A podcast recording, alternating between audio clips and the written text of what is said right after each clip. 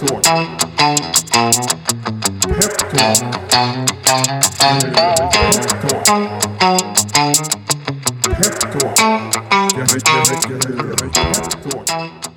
Hej och hjärtligt välkomna till den här sändningen av Peptalk.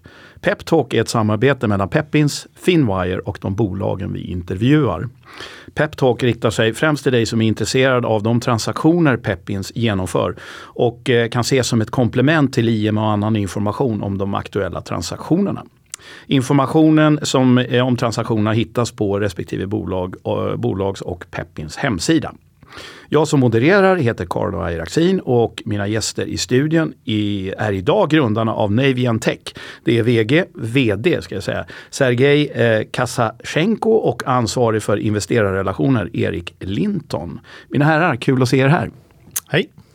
Hej, kul att vara här. Ja, eh, Navian har nu för avsikt att genomföra en publik emission på upp till 25 miljoner svenska kronor, Erik. Ja, det stämmer. Eh, och detaljerna hittar du på Peppins hemsida och eh, på vår hemsida navingroup.com. Men eh, innan vi går in på varför ni vill eh, bredda ägarbasen och förklara vad Navian Tech är, tänkte jag att ni kunde berätta lite om er bakgrund och hur ni träffades. Det jag slås av när man går igenom IM och liknande, det är ju styrelsen och ledning och personal. Eh, den samlade erfarenheten inom många discipliner och geografiska områden. Eh, Sergej, hur kommenterar du det? Ja, där får vi säga att vi har haft väldigt uh, mycket tur och uh, gjort ett bra jobb uh, med att kunna attrahera de rätt kompetenser. Um, bostadsutvecklingen som vi jobbar med är en väldigt traditionell bransch och det krävs en kombination av kompetenser för att få till den optimala utvecklingen för bolaget, både från tekniksidan och även från bostadsutvecklingsindustrin. Och där har vi hämtat lokala experter eh, i Sverige, men också haft förmånen att attrahera till oss proptech-specialister och tech-specialister från utlandet. Så ni har eh, hittat rätt person till rätt plats snarare än inventerat vänner och bekanta kan man säga så? Det är korrekt. Ja. Eh, om vi tittar på er två som grundare och, och så låter jag dig då Erik beskriva Sergejs styrkor och vad han tillför. Hur skulle det låta då? Ja, alltså Sergej han har ett, ett otroligt driv eh, och ambition. Eh, han gör aldrig någonting halvdant utan är väldigt mån om att ta det verkligen hela vägen in i mål. Eh, och därtill så har han en väldigt, väldigt stark analytisk förmåga. Ja, Sergej, nu får ju du möjligheten att återgälda eh, eventuella eh, komplimanger här till Erik. Hur låter det då? Ja, det är fantastiskt eh, snälla ord Erik. Tack så mycket.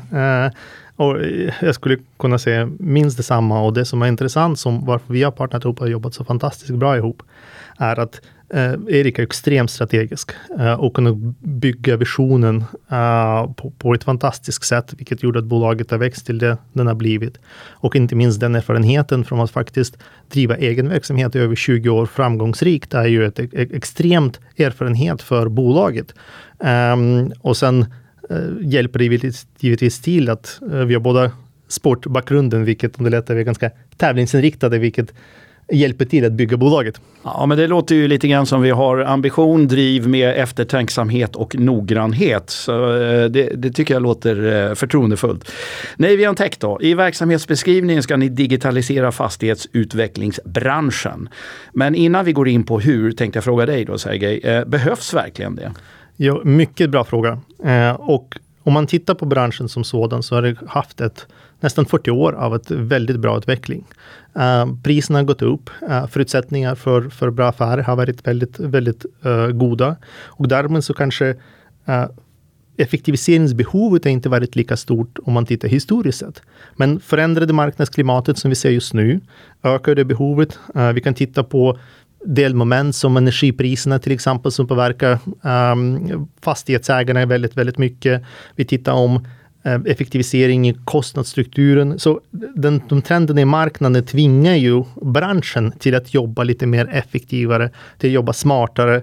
Um, och där tror vi att uh, vi har haft förmånen att förbereda oss inför den här på, på ett bra sätt och kunna ta vara på de marknadsförändringarna och också eh, hoppas vi hjälpa branschen att hamna i ett bättre balans vad gäller kostnad och effektivitet och även digitalisering som har varit viktigaste fråga. Så som eh, digitalisering i nästan alla områden så kommer man att, att göra komplicerade eh, transaktioner lite enklare då kan man säga. Så. Eh, jag har ett citat från er. Det ska vara lika enkelt att investera i fastighetsprojekt som det är att investera i aktier. Och då tänker jag så här Erik, ehm, hur skulle jag göra då som investerare med Navian Tech-plattformen? Ja, det är ju så här att, att rätt fastighetsutvecklingsprojekt de erbjuder otroligt fin avkastning. Både för den som agerar fastighetsutvecklare men också för den som investerar i projektet. Men det stora problemet för investerare ofta är att nummer ett, att få access till bra projekt. Eh, det andra problemet är att ha transparens både i analysfasen och när man förvärvar men också eh, när man genomför projektet att ha koll på. Ja, nu har det gått 12 månader, hur ligger vi till i det här projektet? Och det vill man gärna ha som investerare. Eh, och egentligen den sista pusselbiten som möjliggörs genom digitalisering det är att kunna ha en fungerande andrahandsmarknad. Det vill säga om man skulle vilja sälja sin andel innan projektet är slut så ska det finnas möjlighet till det. Precis som det fungerar på börsen. Och Sergej då, hur är det tänkt att jag ska använda Navian Tech-plattformen som fastighetsutvecklare? Ja, absolut. Och det är väl andra sidan av myntet.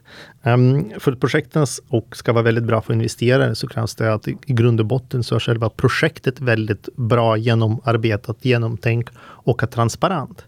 Och jag tror eh, branschen är eh, väldigt, väldigt bra som den är idag. Men det som är största utmaningarna är just processen mellan de olika stegen i en transaktion. Det vill säga från att identifiera projektet till att få den analyserad till finansiering, till plan och design och, och byggandet.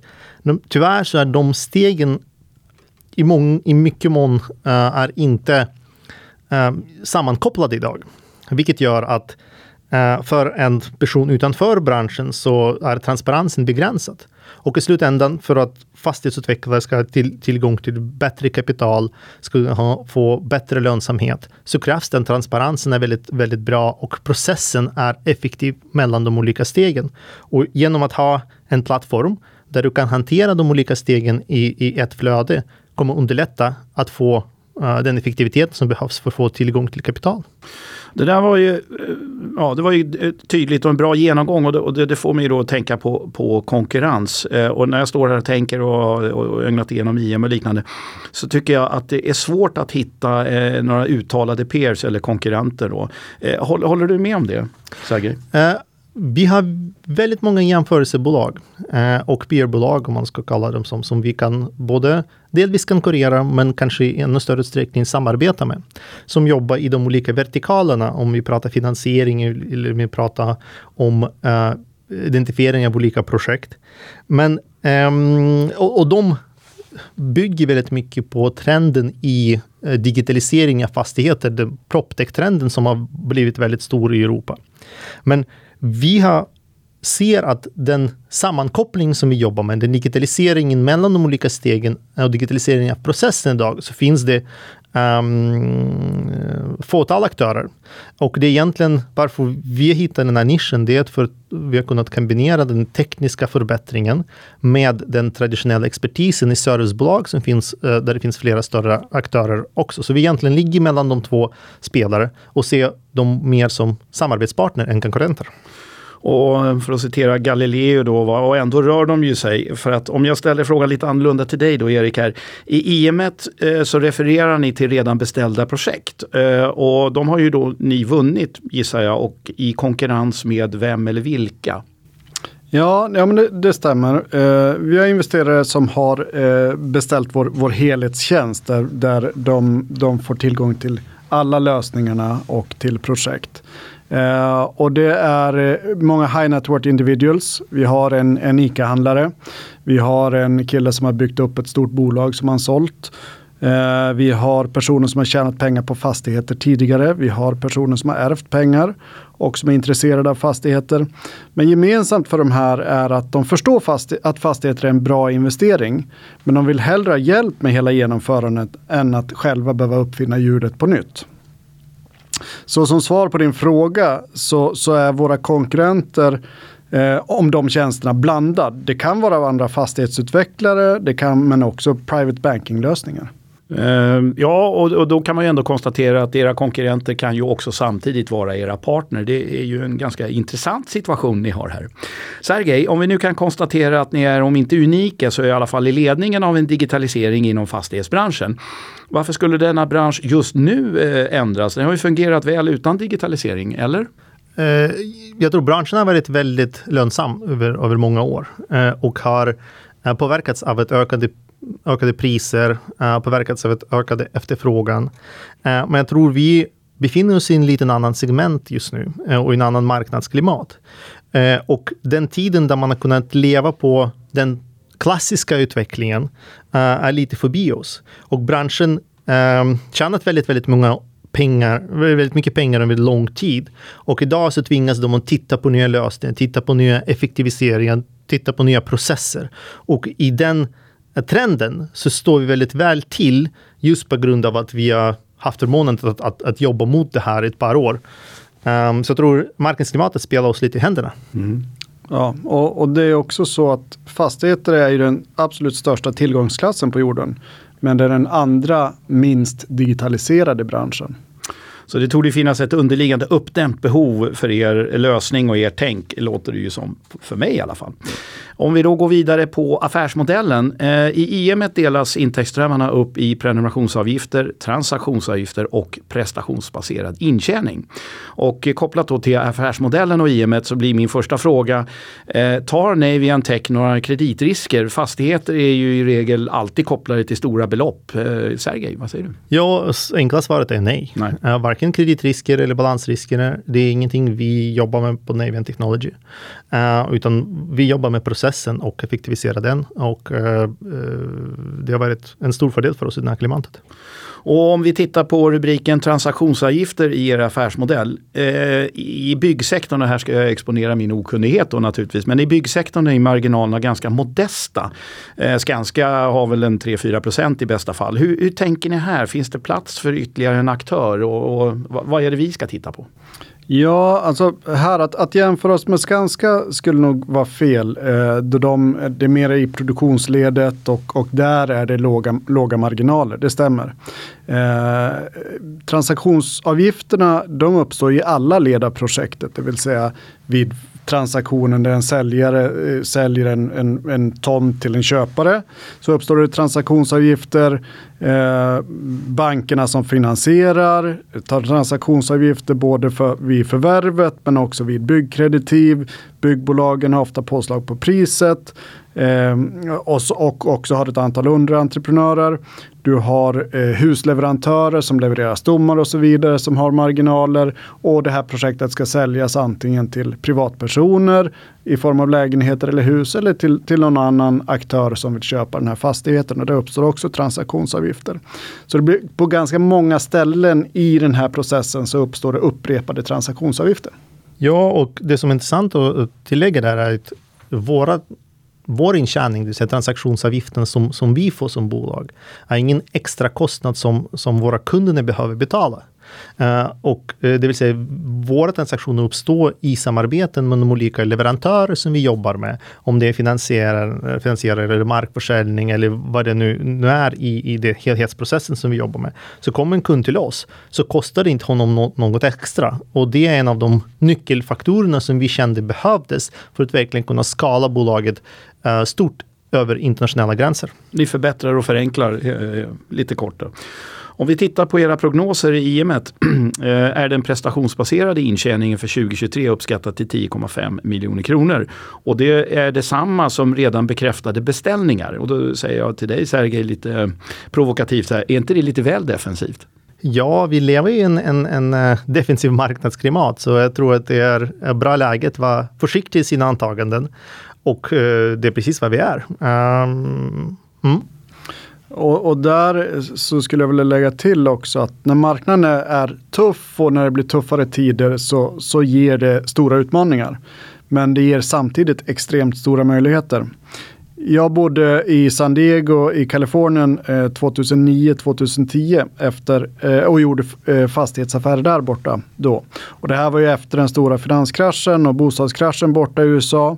Eh, och det gick ju att göra fantastiska fastighetsaffärer under de åren. Så om man går vidare då och, och, tittar på IMET, eh, när det gäller de transaktionsbaserade intäkterna för 2023 eh, så förväntas de landa på 29 miljoner med 11,5 i redan eh, bekräftade beställningar. Erik, ska vi beteckna det som konservativt? Ja, vi har ju valt en konservativ approach. Sergej, kapitalanskaffningen syftar till att vidareutveckla plattformen, vårda varumärket och öka försäljningen. Hur ser ni då på fördelningen av kostnaderna mellan utvecklingen av den nya tekniken och underhåll av existerande teknikplattformar och sales and marketing? Ja, om man tittar på vårt resultat historiskt sett och tittar på vad vi budgeterar så är det väldigt tydligt framgår att um, våra största ambitioner är just uh, öka kostnader, både kopplat till marknadsföring, men också kopplat till teknisk utveckling. Jag tror vi har kommit fantastiskt långt eh, fram tills idag. Men jag tror att om vi kan eh, jobba vidare och liksom förbättra vårt erbjudande. Man, man, skulle kunna beskriva det som att vi går från applikationer till att skapa applikationen eh, som, som egentligen löser processen A till Ö. Och för det så ja, behövs det större investeringar eh, för att kunna göra det, göra det snabbare, vilket marknaden kräver, eh, kräver eh, idag. Ja, och där har vi också möjlighet att anpassa takten och det är lite, lite dragspel de kostnaderna.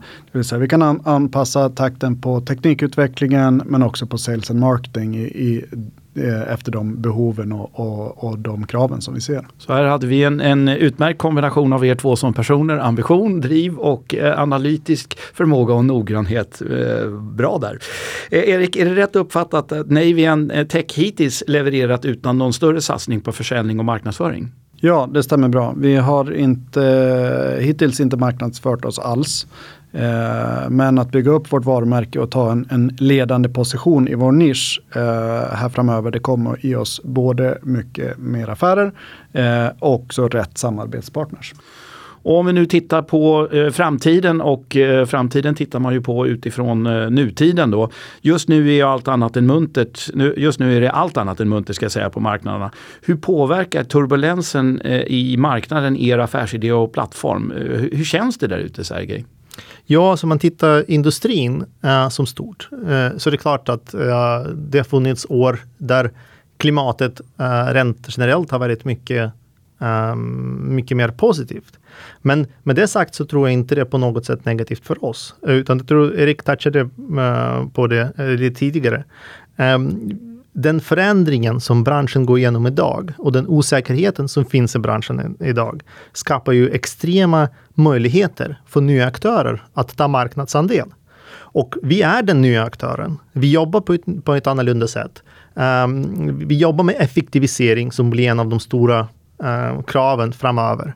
Uh, så jag, jag, skulle våga säga att det som har hänt om man tittar uh, makroekonomiskt, även om det är negativt för branschen, så, så, så öppnar det upp fantastiska möjligheter för oss att ta större marknadsandel i industrin och öppna upp den industrin till flera aktörer som kanske tidigare inte hade den exponeringen. Mm. Ja, Erik, du nickar. Ja, nej, men det stämmer. Och vi, har, vi har faktiskt här bara de senaste veckorna också sett en, en ökande efterfrågan från, från en del internationella aktörer Eh, så för att, bara för att branschen och den lokala, om man pratar Stockholm eller en Sverigemarknad har utmaningar så innebär inte det att, att alla branscher och alla länder har samma utmaningar. Och där blir det ju andra aktörer som då kanske ser att möjligheten öppnar upp sig. Ja, säkert. Ja, ja, och det där är väldigt intressant för att uh, väldigt nyligen så har vi haft uh, möjligheten att göra transaktioner med uh, flera transaktioner med utländska aktörer um, som har ersatt de svenska spelarna på grund av den osäkerheten. Och jag tror en av de fördelarna med vår plattform är just kunna jobba på det sättet, uh, givetvis. Så vi ser att utmaningen skapar möjligheter och det här är ett bra exempel på det. Och sen är ju själva den underliggande branschen, eh, eh, den, tar ju, eh, den tar ju sin tid. Det tar ju några år att, från prospekt till eh, nyckelfärdigt. Eh, så det verkar ju ehm, logiskt här. Men hur ser den långsiktiga planen ut om vi, vi höjer blicken här? Har ni någon ambition att eh, börsnoteras? Ja men det stämmer. Vi har en, en väldigt tydlig plan för att gå mot en notering. Ja, och det är väl kanske vårt primära mål. Uh, men vi utesluter givetvis inte att det finns uh, aktörer som skulle kunna vara intresserade av oss som bolag uh, längre fram. Man kan ju kanske se, en fingervisning kan ju vara att se då när utländska aktörer kommer till er i, i, i det här läget att de kanske lär sig och ser och det, det kan ju vara lite intressant att gå vidare där. Eh, har vi någon tidsplan egentligen på hur, hur vi ser eh, givet den här transaktionen? Ja, alltså vi har inte satt något tydligt och uh, klar plan. Vi har givetvis interna ambitioner, uh, men verkligheten är att marknaden kommer styra den processen. idag så befinner vi oss i en, en, en svårare klimat. Mm, och när klimatet är bättre så kommer vi börja titta på tidsplaner och, och, och, och datum. Men idag så tror jag det är lite för tidigt att kommunicera om det. Mm. Men den planen för börsnotering är väldigt tydlig intern. Mm. Erik Sergej, tack ska ni ha det, för att ni tog tid. Det var kul och oerhört intressant och lärorikt. Eh, och eh, ni som har lyssnat och vill veta mer om branschen, Navian Tech och eh, den här transaktionen eh, kan vi med varm hand hänvisa vart då Erik? Eh, informationen hittas på Peppins och på eh, naviangroup.com. Och er två kan man nå hur då om man har frågor? De kontaktuppgifterna finns i IM och på hemsidor. Strålande. Eh, då tycker jag att vi säger eh, tack. Det var jättekul som sagt var och på återhörande. Hej hej. Tack så mycket. Tack så mycket. Pep